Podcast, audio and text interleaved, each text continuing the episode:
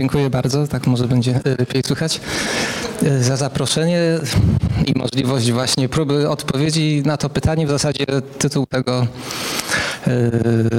tej prezentacji miał być pytaniem, ile wymiarów ma wszechświat. Tak jak jest napisane, to bardziej wygląda jak po prostu stwierdzenie, że, że tu będzie powiedziane, ile ma. Także od razu wyjaśnię, że nie zupełnie temu zadaniu akurat sprostam, bardziej powiem, ile pewnie nie ma, ale przynajmniej postaram się różne przesłanki podać, które miałyby wskazywać, ile tych wymiarów może być i co to w ogóle może znaczyć. Też nie wiem, czy wszyscy uważnie na to ogłoszenie spoglądali, ale tam są takie podtytuły małymi literami napisane. Kilka rzeczywiście już pytań. Jakie są związki fizyki współczesnej z matematyką? Czym są kwantowa teoria pola, kwantowa grawitacja, teoria strun? Czy można w szczególności obliczyć liczby tych wymiarów, w których żyjemy? Także no, na te pytania w miarę będę starał się odpowiedzieć i tak jak pierwsze z nich wskazuje, to co w, w, tej mojej opowieści będzie najistotniejsze, to podkreślenie związków fizyki z matematyką. Pewnie każdy jakoś zdaje sobie sprawę, że takie związki istnieją, ale warto też podkreślić, że one we współczesnej fizyce są bardzo istotne. Już sam tytuł do tych związków nawiązuje, bo wymiar to oczywiście jest pojęcie matematyczne jakiejś przestrzeni. Natomiast wszechświat, czy no ta jakaś przestrzeń, która nas otacza, jest czymś związanym z fizyką, więc jeśli chcemy mówić, ile ta przestrzeń, czy ten wszechświat ma wymiarów, no to automatycznie chcemy używać jakichś narzędzi matematycznych do opisu tego całego wszechświata, który nas otacza, więc o tych narzędziach właśnie spróbuję opowiedzieć. I też zacznę od tego, że jest to pytanie, które oczywiście ludzie sobie zadają od bardzo dawna i pewna manifestacja tego jest widoczna na, na tym obrazie. Być może niektórzy z Państwa go rozpoznają, kto go namalował. Namalował go Rafael mniej więcej 500 lat temu. Jego tytuł to Szkoła Ateńska. I na tym obrazie można znaleźć ślady tego, że już w czasach Rafaela oczywiście stawiano sobie te pytania o związki fizyki z matematyką. Ale nie tylko w czasach Rafaela, ale jeszcze kolejne 500 albo prawie 1000 lat wcześniej, jak się spojrzy na ten tutaj kawałeczek, który teraz w prawym rogu yy, chciałbym powiększyć to widać tu kilka postaci, które zajmują się właśnie, można powiedzieć, matematyką i fizyką. W ogóle jak się wgłębić, to większość postaci na tym obrazie to są ważne postacie z historii. Na tym kawałku też ich widać. Jedna z nich to jest Euklides, który żył w IV wieku przed naszą erą, czyli duże kilkaset lat jeszcze właśnie przed Rafaelem. I napisał takie dzieło, co pewnie generalnie wiemy, które nazywa się Elementy, w którym podał takie aksjomatyczne ujęcie geometrii. To, co on tam robi, ten Euklides to jest ten pochylony i coś tam cyrklem rysuje, to właśnie pewnie ilustruje, jak te jego aksjomaty działają. Natomiast obok niego stoi Ptolemeusz, który żył akurat kilkaset lat później niż Euklides, który jego główne dzieło, które stworzył, to jest wykład go, teorii geocentrycznej, którą kilkaset lat później Kopernik w szczególności obalił, ale istotne jest to, że mamy tu połączenie właśnie tych dwóch dziedzin wiedzy, matematyki i fizyki. Ponoć już Ptolemeusz był jedną z pierwszych osób, która podejrzewała, że różne zjawiska fizyczne można opisać przy pomocy równań matematycznych, co nie jest takie zupełnie oczywiste.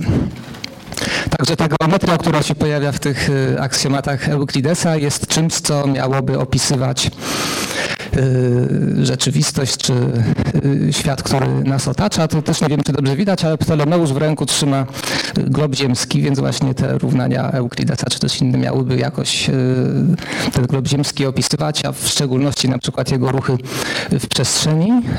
A obok niego stoi jeszcze inny, to akurat jest geograf, też starożytny, który trzyma w ręku coś, co reprezentuje sferę niebieską, na niej wszystkie gwiazdy i tak dalej.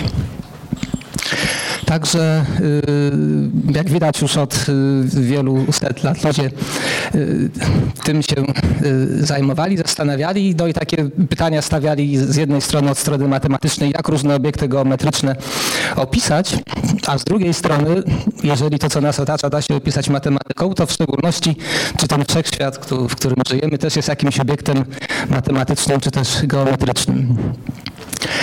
No i tak pokrótce o, tych dwóch sprawach spróbuję opowiedzieć. To znaczy najpierw trochę pewnie więcej o geometrii, a potem trochę o, o fizyce.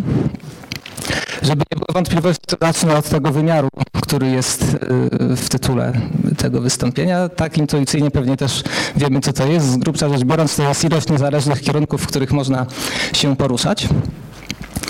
I o ile liczymy do trzech, to dosyć łatwo sobie wyobrazić. Jak coś ma wymiar jeden, to jest to po prostu y, prosta. Być może jeszcze coś innego, ale na przykład prosta. Płaszczyzna ma wymiar dwa. Trzy wymiary no to są takie, których doświadczamy. Możemy się ruszać w prawo, do przodu, albo do góry, czy też na dół. No to są oczywiście trzy kierunki. Pytanie, co jest dalej? Pewnie sporo z Państwa słyszało, że są takie teorie współczesne fizyczne, w których przyjmuje się, że tych wymiarów jest więcej. No i pytanie też jak o nich myśleć. Często się słyszy takie pytanie, jak to możliwe, że fizycy sobie wyobrażają te dodatkowe wymiary, których jest więcej niż trzy. Mogę zapewnić od razu w tym momencie, że nikt sobie tego nie wyobraża, przynajmniej ja nie znam takiej osoby, a sam też nie jestem w stanie. Więc to jest pewien, pewna niedogodność. Natomiast to jest bardzo Intrygujące to jest to, że używając matematycznego języka można z tymi wymiarami y, pracować. Nie, jakby nie widząc ich tak, nie wyobrażając sobie, ale y, różne wnioski wyciągając, które, które ich dotyczą. Także do tego między innymi ta matematyka jest potrzebna. I też y, parę słów y, warto powiedzieć o takich charakterystykach różnych obiektów, oczywiście geometrycznych czy matematycznych. Wymiar to jest taka najprostsza charakterystyka, ale są bardziej subtelne. Powiedzmy następny poziom subtelności to jest tak związany z tak zwaną topologią.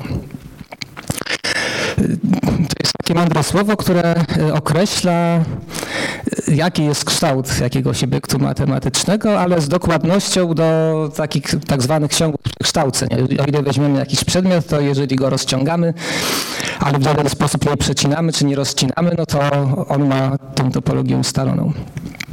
No i w wymiarze równo jeden, równo jeden tak naprawdę są dwa e, takie obiekty, które ze względu na topologię można powiedzieć, że się od siebie różnią. Albo to jest prosta, która jest e, nieskończona, albo okrąg, to akurat łatwo sobie wyobrazić, który no w jakimś sensie jest e, skończony, ma skończoną, skończony rozmiar, czy też obwód. Więc w wymiarze jednym klasyfikacja takich obiektów jest bardzo prosta. Troszkę jest trudniejsza w dwóch wymiarach, ale nie aż tak bardzo trudna. Tutaj zaleta jest taka, że możemy sobie to dobrze wyobrazić, bo wszystkie dwuwymiarowe obiekty, w tym wypadku to są tak zwane powierzchnie, możemy w trzech wymiarach akurat, to się mówi, matematycy mówią zanurzyć, ponieważ trzy wymiary sobie wyobrażamy, no to łatwo stosunkowo sobie wyobrazić takie dwuwymiarowe powierzchnie. Także y, pierwsza po lewej, żeby nie było wątpliwości, ma reprezentować sferę, czyli powierzchnię kuli, czy też no, powierzchnię jakiejś piłki. I ona ma tę bardzo szczególną własność, że jeżeli weźmiemy y, kawałek y, powiedzmy jakiejś pętli, dajmy na to gumki, takiej recepturki, położymy na tej powierzchni po lewej stronie i teraz tę gumkę będziemy ściągać, robić coraz mniejszą, to zawsze jesteśmy w stanie ją ściągnąć do punktu.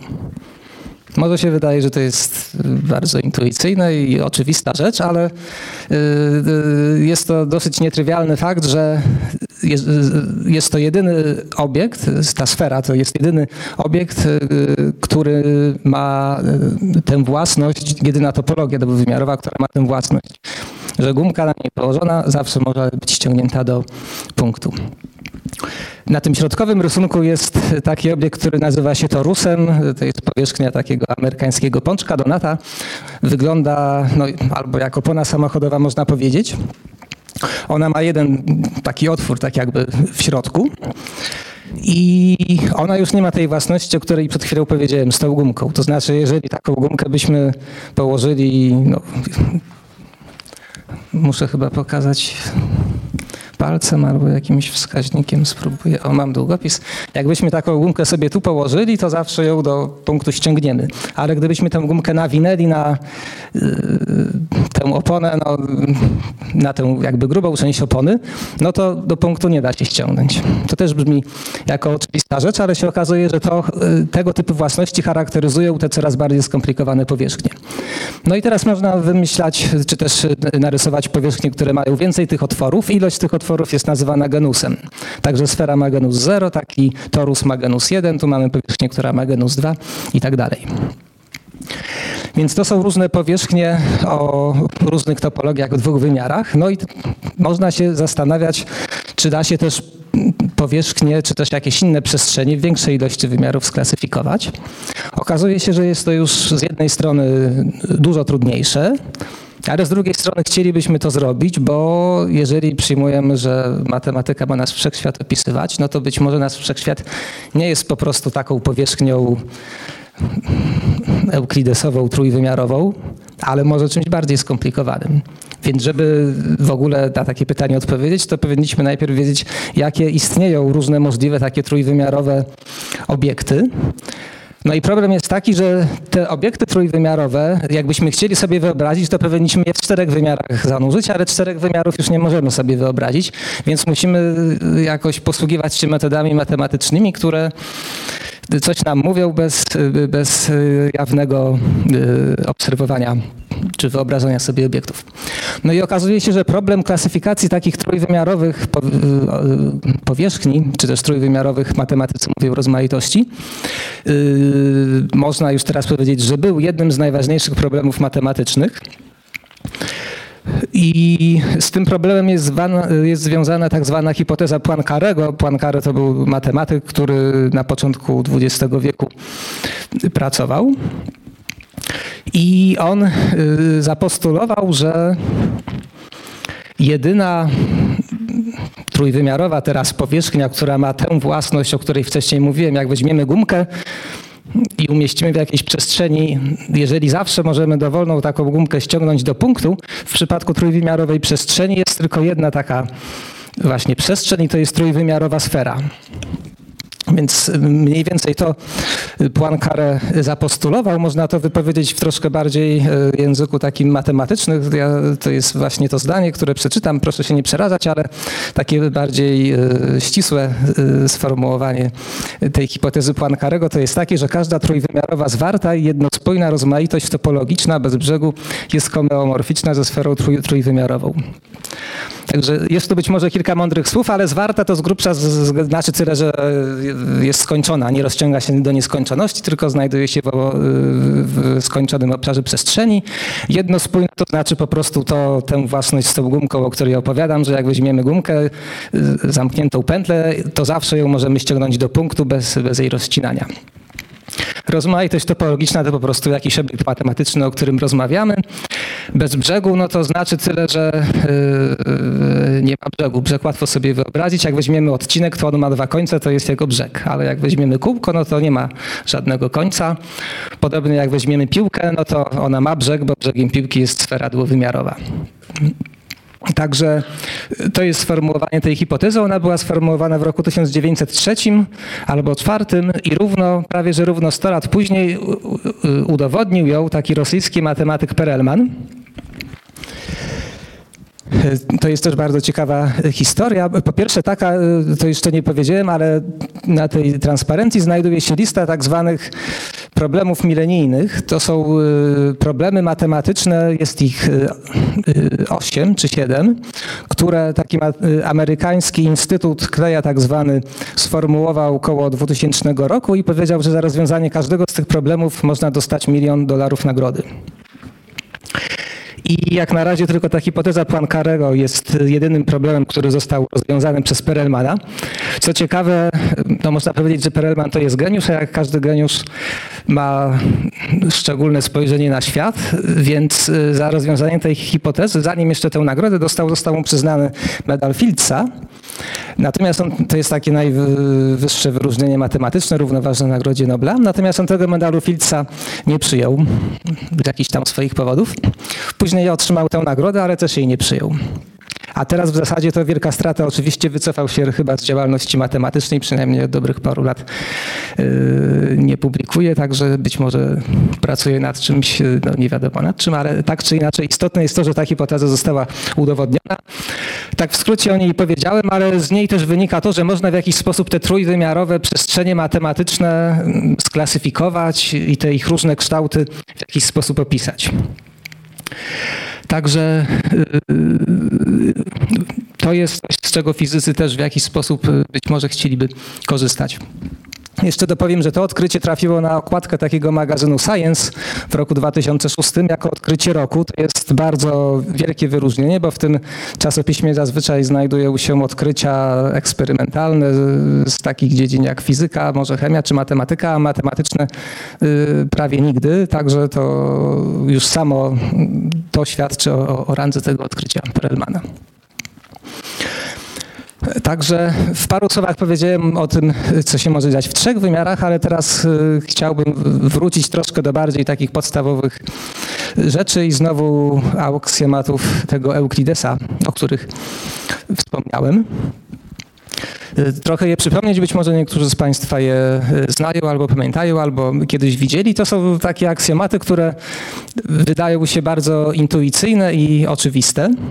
I na poziomie takiej matematyki, jak w szkole y, się uczymy, to one są spełnione, ale też istotne jest to, i to jest to, co na przełomie XIX i XX wieku zostało zrozumiane, że istnieją także inne geometrie, w których te aksjomaty nie są spełnione. Do tego jeszcze później wrócę, ale też wiedząc, że takie geometrie istnieją, można sobie zadać pytanie, czy ten wszechświat, który nas otacza, to jest taki, w którym właśnie te aksjomaty, które Euklides przed naszą erą kilkaset lat podał, rzeczywiście e, są spełnione, czy nie są. Wszystkich może nie będę czytał, ale pierwszy na przykład to jest taki, że dowolne dwa punkty można połączyć odcinkiem. No, wydaje nam się, że to jest oczywiste. E, czwarty aksjomat, do niego później wrócę, tak, to jest taki, że wszystkie kąty proste są przystające. Co to jest kąt prosty, to pewnie wszyscy pamiętamy. Na przykład tu, tu jest kąt prosty jeden, a na rogu stołu mamy inny. No, możemy jeden na drugi nałożyć, będą wyglądać tak samo i tak dalej. Piąty aksjomat jest dosyć ciekawy i sam Euklides się zastanawiał, czy rzeczywiście on jest konieczny, albo czy może nie wynika z innych aksjomatów. Można go też przeformułować troszkę inaczej, mianowicie tak, że przez dany punkt, który nie należy do jakiejś prostej, także weźmy tę prostą fioletową i rozważmy ten punkt na czarno narysowany. Ten aksjomat mówi, że można przez taki punkt poprowadzić jedną prostą, która nie przecina tej pierwszej prostej. Też to się wydaje takie bardzo namacalne, ale się okazuje, że istnieją przestrzenie matematyczne, w, którym to, w których to nie jest spełnione. Także można się zastanawiać, czy właśnie przestrzeń, która nas otacza, spełnia te aksjomaty, czy, czy też nie.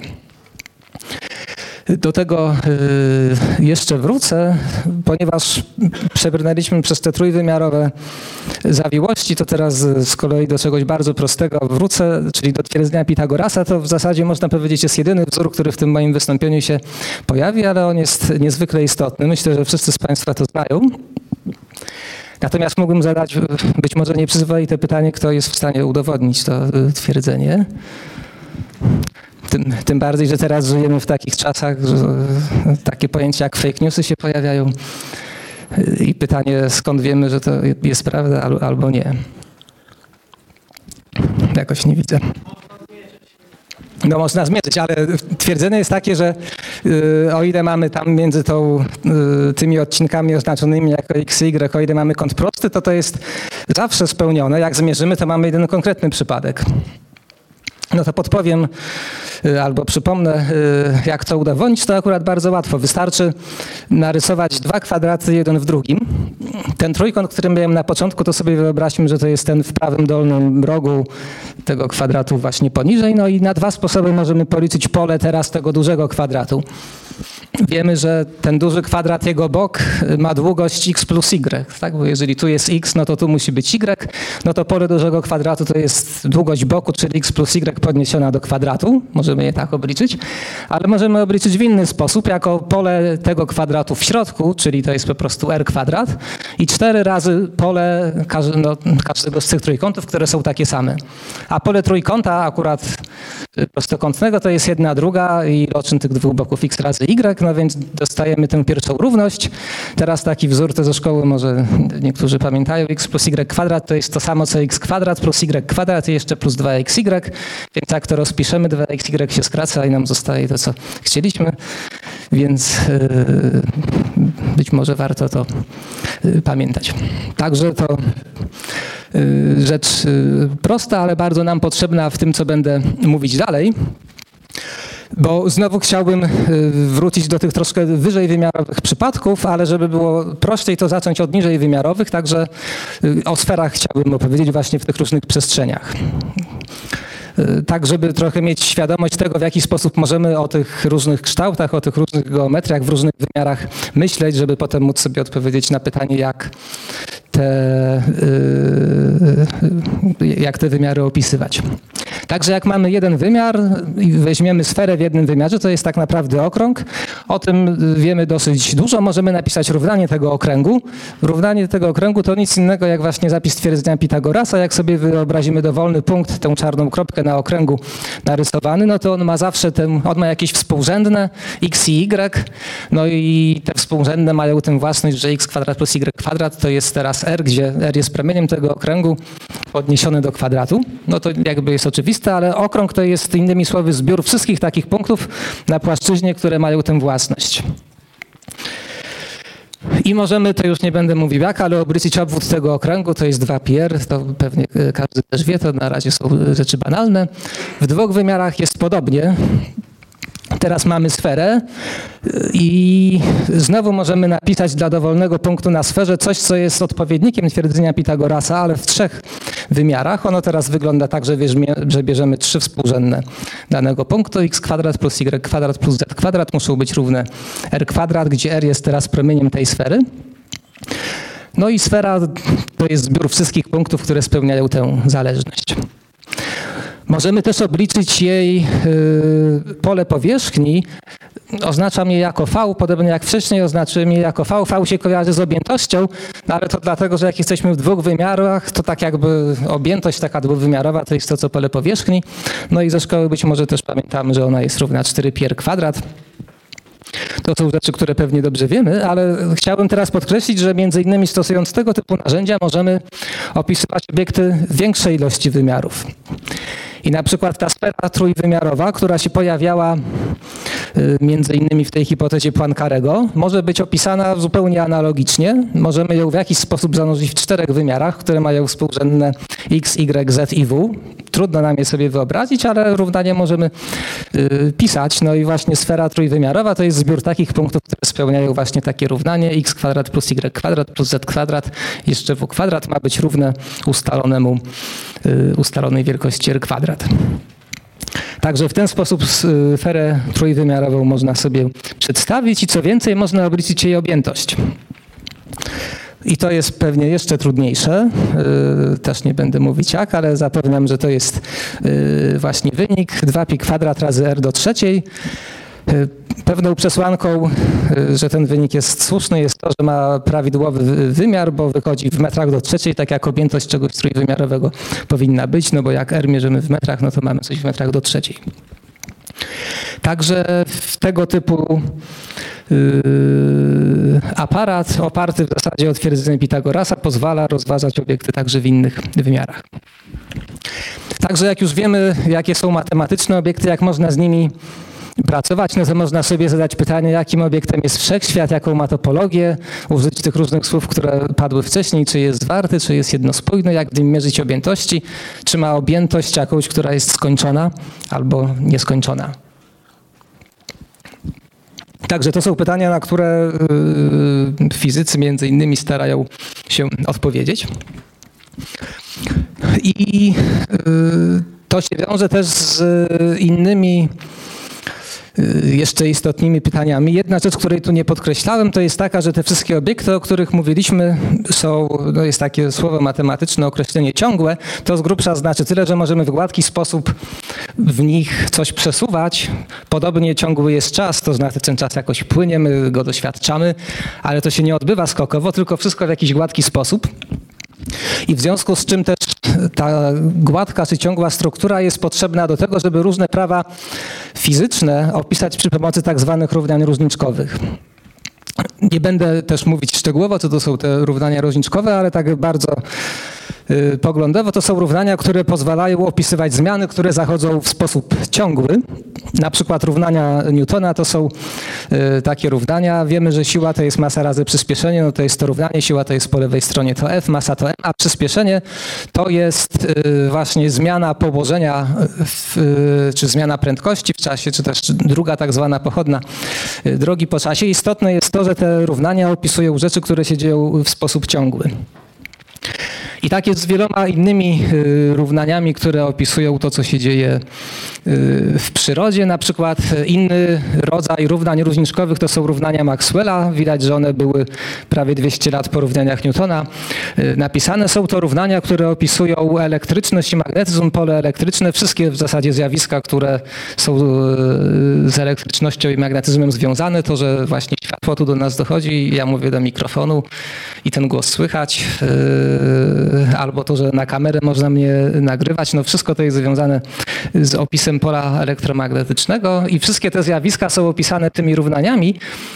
W szczegóły nie chcę wchodzić, ale istotne jest to, że te równania możemy napisać yy, i w ogóle je rozważać, przyjmując, że ta przestrzeń, w której coś się dzieje, jest ciągła i zmiany, które zachodzą w niej są ciągłe, jakieś obiekty mogą się w ciągły sposób yy, przesuwać. Tu zwrócę uwagę, że w tych równaniach Maxwella to będzie e, istotne. Pojawia się jakaś e, stała fizyczna oznaczona jako c, to jest prędkość światła, która właśnie jest istotne to, że jest stałą. Także y, można sobie zadać też pytanie, czy czas i przestrzeń, które tu nas otaczają, są właśnie czymś, po pierwsze, rzeczywiście ciągłym, a po drugie, czy są tylko takim, można powiedzieć, statycznym tłem, w którym coś się dzieje, mm, czy też same być może w jakiś sposób y, mogą y, oddziaływać, czy też y, mieć jakąś swoją dynamikę. I takie pytania zaczął sobie poważnie stawiać między innymi Einstein. I dwa słowa y, o nich powiem, y, czy też o odkryciu Einsteina i teorii względności. Pewnie też wielu z nas o niej słyszało, ale przynajmniej przypomnę. Mianowicie to, że ta teoria względności znowuż jest, jej podstawą okazuje się być coś związanego z twierdzeniem, można powiedzieć, Pitagorasa.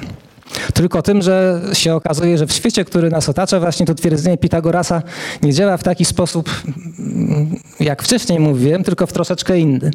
Niemniej jednak w odpowiednim sensie można je rozumieć jako twierdzenie Pitagorasa. Z tym, że zanim e, do tego, jak to rzeczywiście jest, dojdę, to najpierw w dwóch słowach powiem o tym, e, co było przed Einsteinem, czyli właśnie w fizyce Newtona. Mianowicie Newton przyjmował, że y, mamy w przyrodzie y, pewne symetrie związane w szczególności z tak zwanymi transformacjami Galileusza. To znaczy możemy opisywać różne zjawiska z różnych punktów widzenia, ale jeżeli y, zmieniamy punkt widzenia, czy też układ odniesienia, to są pewne wielkości, które pozostają niezmienione. I na przykład taka, znowu rzecz, która się wydaje bardzo namacalna i intuicyjna, to jest taka, że odległość między dwoma punktami y, jest taka sama. A tę odległość mierzymy właśnie twierdzeniem Pitagorasa. To jest właśnie tu napisane w tym wzorze. Jak weźmiemy dwa punkty, jeden ma położenie x1, y1, z1, a drugi x2, y2, z2, no to wzdłuż osi y, oznaczonej jako x te punkty, różnica współrzędnych to jest x1 minus x2. Podobnie wzdłuż osi Y i Z, więc odległość między tymi punktami no, możemy obliczyć stosując to trójwymiarowe twierdzenie Pitagorasa. Ona wynosi tyle. No i teraz, y, czy ja patrzę na przykład na ten długopis i liczę odległość między jego końcami, czy on jest w tym położeniu, czy jest w tym położeniu, spodziewam się, że zawsze wyjdzie mi to samo. Więc jak wezmę jeden układ współrzędnych, oznaczony jako x, y, z, a drugi x', y', z'. W jednym zastosuję to twierdzenie Pitagorasa i w drugim zastosuję twierdzenie Pitagorasa, zawsze wyjdzie mi to samo. No i na tym między innymi spostrzeżeniu y, czy postulacie opierała się y, fizyka, y, teoria Newtona. Podobnie jest ze zmianami układu odniesienia związanymi z obiektami, które się poruszają. To znaczy ja mogę ten długopis opisywać, jak sobie tu stoję, a jeżeli po ulicy jedzie samochód z jakąś prędkością i ktoś jest w tym samochodzie i patrzy na ten długopis, zmierzyłby jego odległość, to wydaje, wydaje nam się, że powinna wyjść taka sama.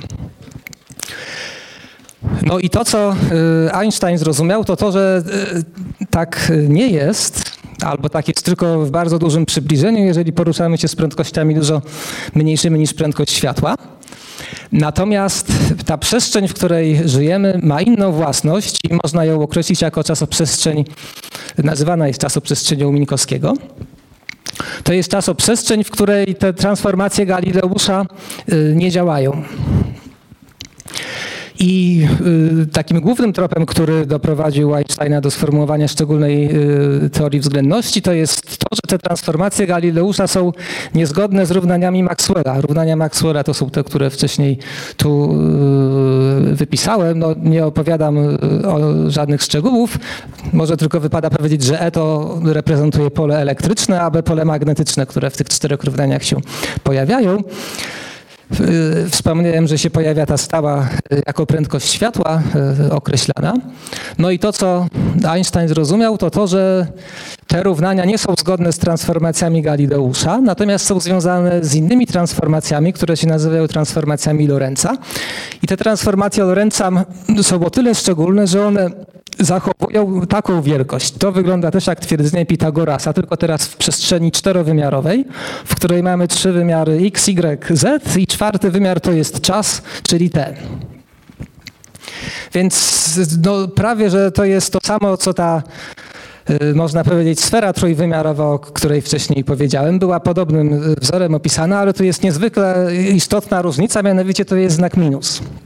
I jeszcze powinno być c kwadrat, to zgubiłem, przepraszam, żeby tu się wszystkie jednostki zgadzały, chociaż fizycy czasem używają takich jednostek, w których c jest równe 1, żeby yy, nie używać zbyt wielu symboli, yy, no ale tak czy inaczej można powiedzieć, że to jest taka wersja czterowymiarowego twierdzenia Pitagorasa i taki to jest tak zwany interwał czasoprzestrzenny pomiędzy dwoma zdarzeniami, z których jedno zachodzi w punkcie współrzędnych y, x1, y1, z1 w momencie t1, a drugie w punkcie x2, y2, z2 i w czasie t2.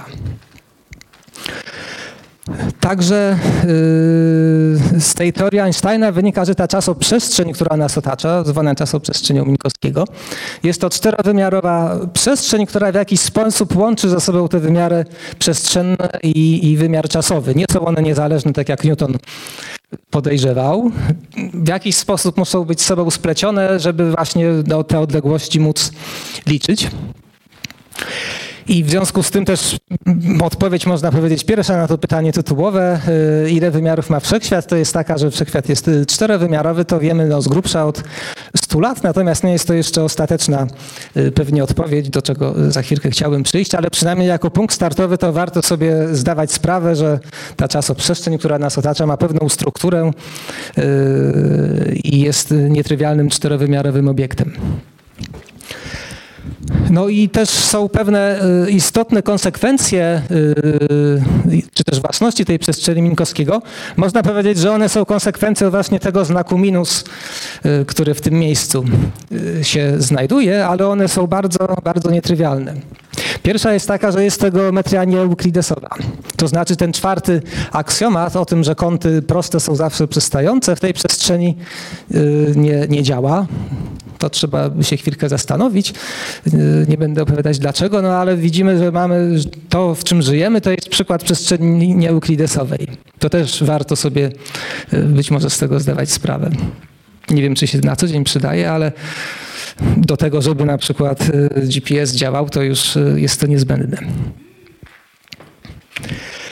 Po drugie, nie ma czegoś takiego jak jednoczesność. To znaczy dwa zdarzenia, które zachodzą w różnych miejscach, nawet jeżeli dla jednego obserwatora zachodzą w tym samym momencie, to dla innego obserwatora okazuje się, że y, zachodzą w różnych momentach. To, że ten interwał czasoprzestrzenny, który wypisałem, jest zachowany, to znaczy, że te jego składowe, czyli na przykład różnice czasu albo różnice odległości same w sobie nie mogą być zachowane. No i przejawem tego są takie zjawiska jak dylatacja czasu, to znaczy czas, który zachodzi między dwoma zdarzeniami może zależeć od ruchu obserwatora i podobnie długość pewnych obiektów zależą od tego, yy, z jakiego punktu widzenia obserwujemy albo z jaką prędkością się poruszamy, kiedy, kiedy coś mierzymy. I podobnie składanie prędkości wygląda w zupełnie inny sposób, yy, albo chociaż w trochę inny, tu już wzorów nie piszę, ale wiemy, że tak intuicyjnie, jeżeli jedziemy pociągiem, który się porusza z prędkością V i w nim idziemy z prędkością powiedzmy W, no to względem obserwatora na peronie wydaje nam się, że poruszamy się z prędkością V plus W. Tak rzeczywiście jest w fizyce Newtona. Natomiast w tej fizyce Einsteina już tak nie jest i do tego wzoru, ten wzór musi być odpowiednio zmodyfikowany, co znowu jest konsekwencją yy, no właśnie między innymi tego minusa w tym interwale czasu przestrzennym. Także to są istotne własności tej przestrzeni, w której y, żyjemy. Można się zastanawiać, czy to są oczywiście wszystkie własności. No i też wiemy od dosyć dawna, że, że nie są. Być może one są zaskakujące, ale znowu tu podkreślę, mamy tu y, jakąś przestrzeń, która jest dosyć y, nietrywialna, nieuklidesowa i tak dalej, czterowymiarowa, ale ona do tej pory cały czas dla nas jest statyczna. To znaczy różne zdarzenia, które się dzieją, jakieś obiekty się poruszają, pole elektromagnetyczne, fale radiowe i tak dalej, jakoś się rozchodzi, ale jak na razie tu się wydaje, że ta czasoprzestrzeń jest tylko tłem dla tych różnych zjawisk. Niemniej jednak Einstein zrozumiał kilkanaście lat po tym sformułowaniu szczególnej teorii względności, że ta czasoprzestrzeń nie jest tylko tłem, ale jest obiektem, można powiedzieć, takim fizycznym, dynamicznym, który ma swoją własną dynamikę, może ewoluować i tak dalej. I ponadto wyprowadził też równania Einstein, które opisują, jak ta czasoprzestrzeń się zachowuje. Być może niektórzy z Państwa te równania widzieli. One tak wyglądają. W szczegóły też nie będę wchodził. Ważne, że to jest układ 10 równań różniczkowych, co od razu jest, y, podkreślę, też istotne o tyle, że automatycznie te równania w jakiś sposób zakładają, że ta przestrzeń jest gładka czy ciągła, podobnie jak te inne równania, o których wcześniej wspominałem. I po lewej stronie to G to jest tak zwany tensor Einsteina, też mądre słowo, ale z grubsza to jest wielkość, która opisuje kształt, można powiedzieć, tej przestrzeni, sposób w jaki ona jest zakrzywiona. A po prawej stronie T, y, ten symbol T z dwoma tymi indeksami, to jest wielkość, która opisuje w jaki sposób materia w tej czasoprzestrzeni jest rozłożona. No i te równania mówią, w jaki sposób rozkład materii wpływa na to, jak ta przestrzeń się zmienia i ewoluuje. Z jakichś powodów w tym równaniu pojawiają się jeszcze różne stałe. 8 razy pi, no to to jest po prostu matematyczna rzecz związana z jakimś tam wyborem yy, jednostek. C to jest prędkość światła, ta sama, która była już wcześniej i jeszcze jest jedna stała, tak zwana stała grawitacji, która w tych równaniach występuje. Y, warto podkreślić, że rzeczywiście my teraz możemy na różne sposoby obserwować tę dynamikę y, czasoprzestrzeni, to, że ona może ewoluować, zmieniać się i tak dalej na różne sposoby w minionych y, prawie 100 latach, y, albo no tak, pierwsza obserwacja, potwierdzenie ogólnej teorii względności y, nastąpiła w roku 1919 podczas zaćmienia Słońca. To było takie słynne zaćmienie Słońca, kiedy właśnie tę teorię względności potwierdzono. Jest dużo innych sposobów jej potwierdzenia. Znowu to, że GPS działa tak dokładnie, jak dokładnie działa, też jest możliwe dzięki temu, że te równania są stosowane do, do jego opisu. Natomiast w ostatnich dwóch latach dokonaliśmy pewnych bardzo przełomowych odkryć, mianowicie zostały odkryte tak zwane fale grawitacyjne. Czyli takie fale można sobie myśleć przez analogię do fal powodzi, ale fale, które się rozchodzą właśnie we wszechświecie i są samymi, samym falowaniem y, tej czasoprzestrzeni. Jakby pomyśleć, że ta czasoprzestrzeń, która, no, w której wszystko istnieje, jest czymś takim jak woda, no to fale na wodzie wiemy czym są, no i podobnie się okazuje, że ta czasoprzestrzeń w jakiś sposób może falować i okazuje się, że teraz jesteśmy w stanie takie fale wykrywać, które pochodzą od takich bardzo wielkich, można powiedzieć, katastrof kosmicznych. Na przykład tego, że czarne dziury mogą się zderzać, albo gwiazdy neutronowe w jakiś sposób mogą się też zlewać w jedną rzecz i to powoduje takie wielkie yy, zaburzenia, które jesteśmy w stanie mierzyć. To oczywiście jest temat na niezależny, yy, niezależną opowieść, więc tu dalej nie będę wchodzić, ale chcę podkreślić, że rzeczywiście to jest coś, co jesteśmy w stanie obserwować. No i można się znowu zapytać, czy to jakby już wszystko, co można powiedzieć o czasoprzestrzeni, to znaczy, czy jest ona takim dynamicznym obiektem, który się porusza, czy ewoluuje zgodnie z tymi równaniami. Tu znowu podkreślę jeszcze raz w zasadzie to samo, co przed chwilą powiedziałem po pierwsze, to znaczy to, że te równania Einsteina, można o nich trochę przez analogię myśleć jako o równaniach, które opisują inne ośrodki yy, ciągłe. I na przykład są takie równania, które nazywają się równania Naviera-Stocksa, które opisują dynamikę płynów. Te równania też są na liście tych y, siedmiu czy ośmiu problemów, y, za które można dostać milion dolarów, więc jak widać my wcale tak dużo nie wiemy. Nawet nie jesteśmy w stanie odpowiedzieć na pewne pytania związane, by się wydawało, z bardzo y, prostymi obiektami, czymś takim jak płyny. Niemniej jednak, jeszcze raz podkreślam, że te równania, równania Naviera-Stocksa to są znowu równania różniczkowe, które opisują dynamikę płynów, więc jak myślimy o wodzie na przykład, no to, która płynie z kranu czy falującej powierzchni jeziora, to w pierwszej chwili myślimy o niej jako o czymś właśnie gładkim i w ciągły sposób się zmieniającym. Ale szybko do nas może jakby dojść e, taka refleksja, że przecież ta woda to się składa z e, jakichś dużo bardziej elementarnych cząstek które też się rządzą swoimi prawami. No i teraz można się spytać, w jaki sposób prawa, które opisują te pojedyncze cząstki, w jaki sposób one się y, następnie tłumaczą na równania różniczkowe, które opisują ten płyn jako coś, co jest y, samo w sobie ciągłe. Także y, jeżeli chcemy myśleć o tej czasoprzestrzeni i o analogiach do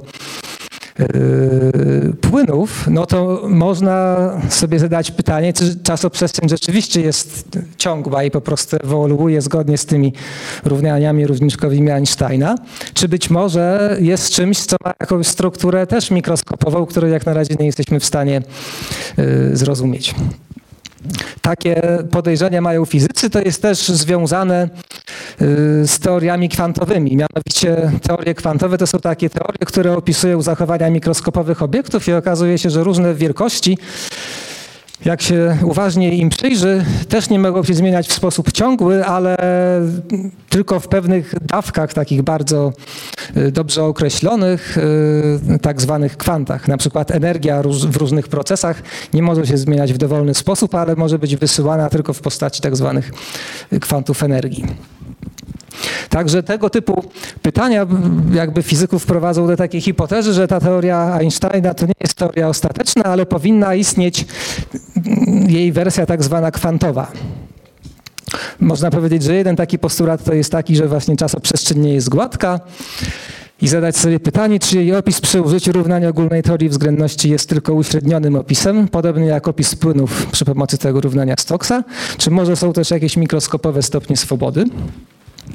Jest nawet kandydat pewien, jak małe mogą być te e, mikroskopowe stopnie swobody. Mianowicie, jak się spojrzy na różne stałe fizyczne, o których wcześniej wspominałem, które się wydaje, że tę e, przyrodę w jakiś sposób opisują czy charakteryzują, co to jest G i co już powiedziałem, stała grawitacji i prędkość światła.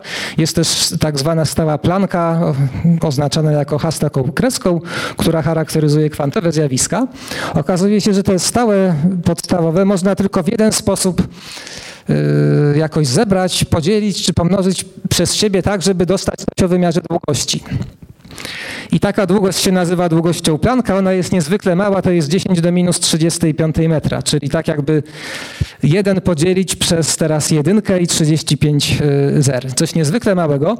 Dla pewnego porównania powiem, że rozmiary y, jąder atomowych są rzędu 10 do minus 15 metra. Także jest to bardzo wiele rzędów wielkości mniej. Nie jesteśmy w stanie żadnych eksperymentów przeprowadzać na takich odległościach, ale jest takie podejrzenie, że te równania Einsteina już na tak małych odległościach nie mogą działać. Właśnie ta długość Plancka to jest długość, na której tak zwany kwantowy charakter czasoprzestrzeni powinien się objawić. No i właśnie z tym drugim postulatem, który tu wypisałem, tu jest związane. Yy, hipoteza jest taka, że mikroskopowy charakter związany jest właśnie z kwantową strukturą czasu przestrzeni i oddziaływania grawitacyjne, te siły, które działają między różnymi obiektami, są przenoszone przez takie cząstki, których do tej pory nie y, zaobserwowaliśmy, które miałyby y, się nazywać grawitonami, które są podobne do oddziaływań, do, do fotonów, które z kolei przenoszą oddziaływania elektromagnetyczne. To znaczy za właśnie oddziaływania wszystkie związane z elektrycznością czy magnetyzmem na takim mikroskopowym poziomie są odpowiedzialne tak zwane fotony.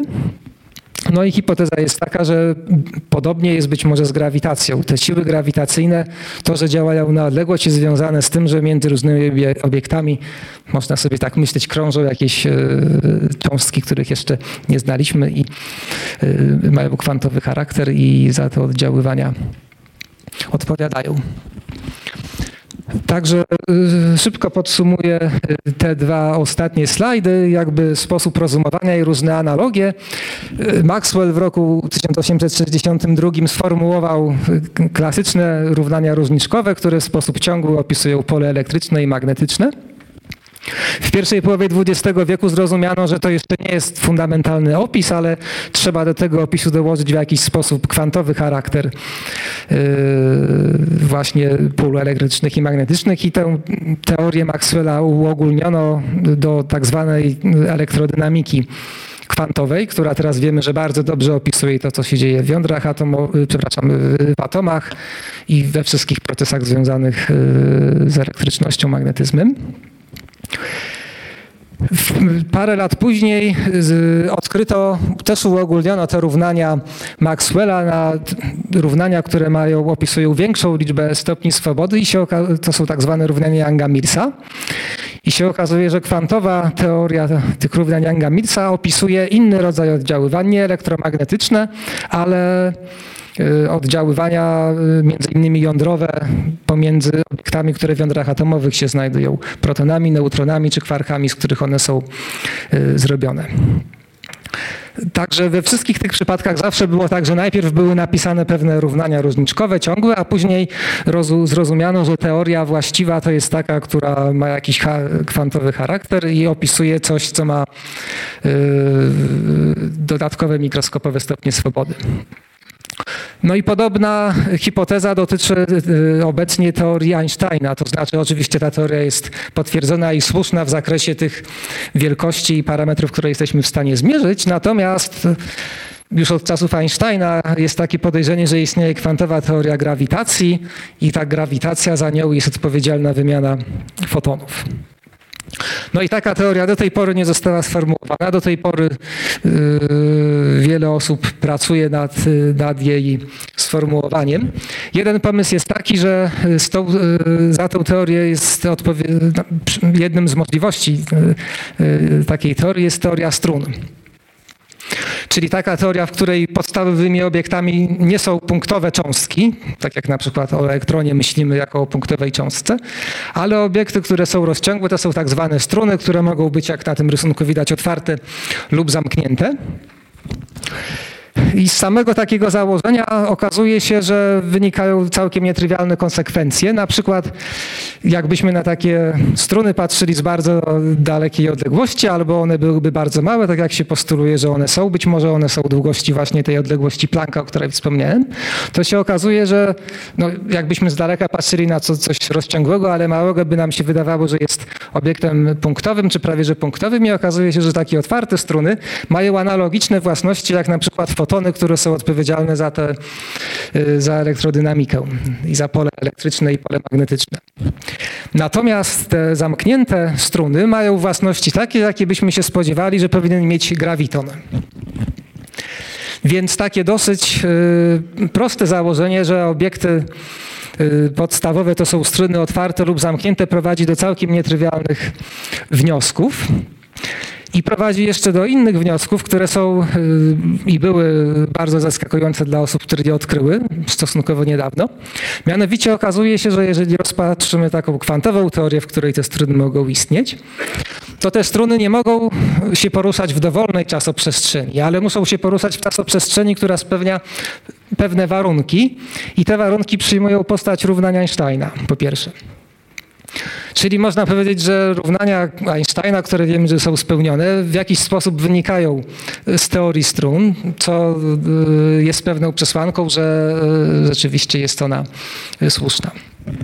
Ponadto wreszcie teraz dochodzę do tego tytułowego pytania. Okazuje się, że struny nie mogą się poruszać w czasoprzestrzeni o dowolnym wymiarze, ale ten wymiar musi być równy 10. A my tak na co dzień obserwujemy cztery wymiary czasoprzestrzeni, o których wspominałem. Także główne pytanie, które tu się pojawia, to jest takie, dlaczego nie obserwujemy tych dodatkowych sześciu? I to jest między innymi to, nad czym część fizyków, która się tym tematem zajmuje, stara się odpowiedzieć. To znaczy, w jaki sposób jest możliwe, żebyśmy doświadczali bezpośrednio tylko tych czterech wymiarów, a nie dziesięciu. Natomiast też te sześć dodatkowych wymiarów jest o tyle istotne, że pewne własności cząstek, które my widzimy, no i tych wszystkich teorii, o których opowiadałem, miałyby wynikać e, z tego, jaka jest geometria tych dodatkowych sześciu wymiarów. Szczególności kształt właśnie i geometria tych dodatkowych sześciu wymiarów e, miałby wpływać na rodzaj cząstek, które obserwujemy, jesteśmy w stanie w jakiś sposób e, obserwować w różnych akceleratorach i, i tak dalej. Także yy, może na koniec podkreślę, że ta teoria strun na razie jest no, teorią w takim sensie, że nie jesteśmy w stanie w żaden sposób jej zbadać. Znaczy zbadać doświadczalnie i potwierdzić. Natomiast z niej wynika dużo wniosków yy, no, intrygujących, yy, jak te, o których wspomniałem, na przykład równania Einsteina w jakiś sposób z niej wynikają.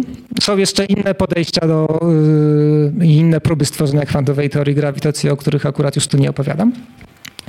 Natomiast też warto podkreślić, że teoria strun w ostatnich 20 lat miała wielki wpływ na matematykę.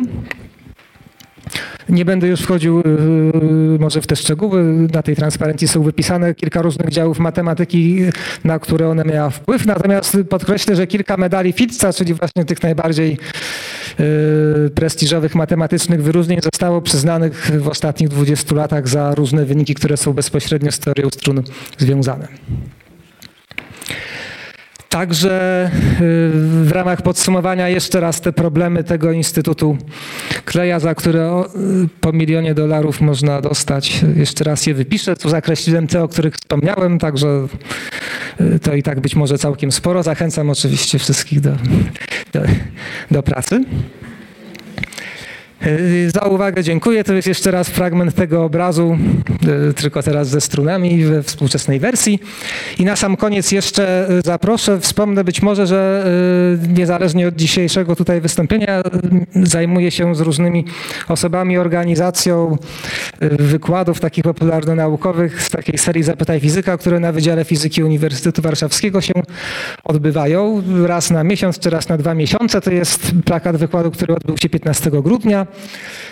Tu jest plakat wykładu, y, który odbył się ostatnio 12 stycznia.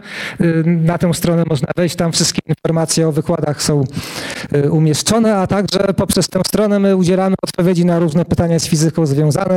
Przez odpowiedni formularz można nam jakieś pytanie przysłać i na te pytania staramy się odpowiadać. Także przy okazji zareklamuję tę inicjatywę i zapraszam do różnych wykładów. Także, także dziękuję bardzo. Dziękujemy bardzo.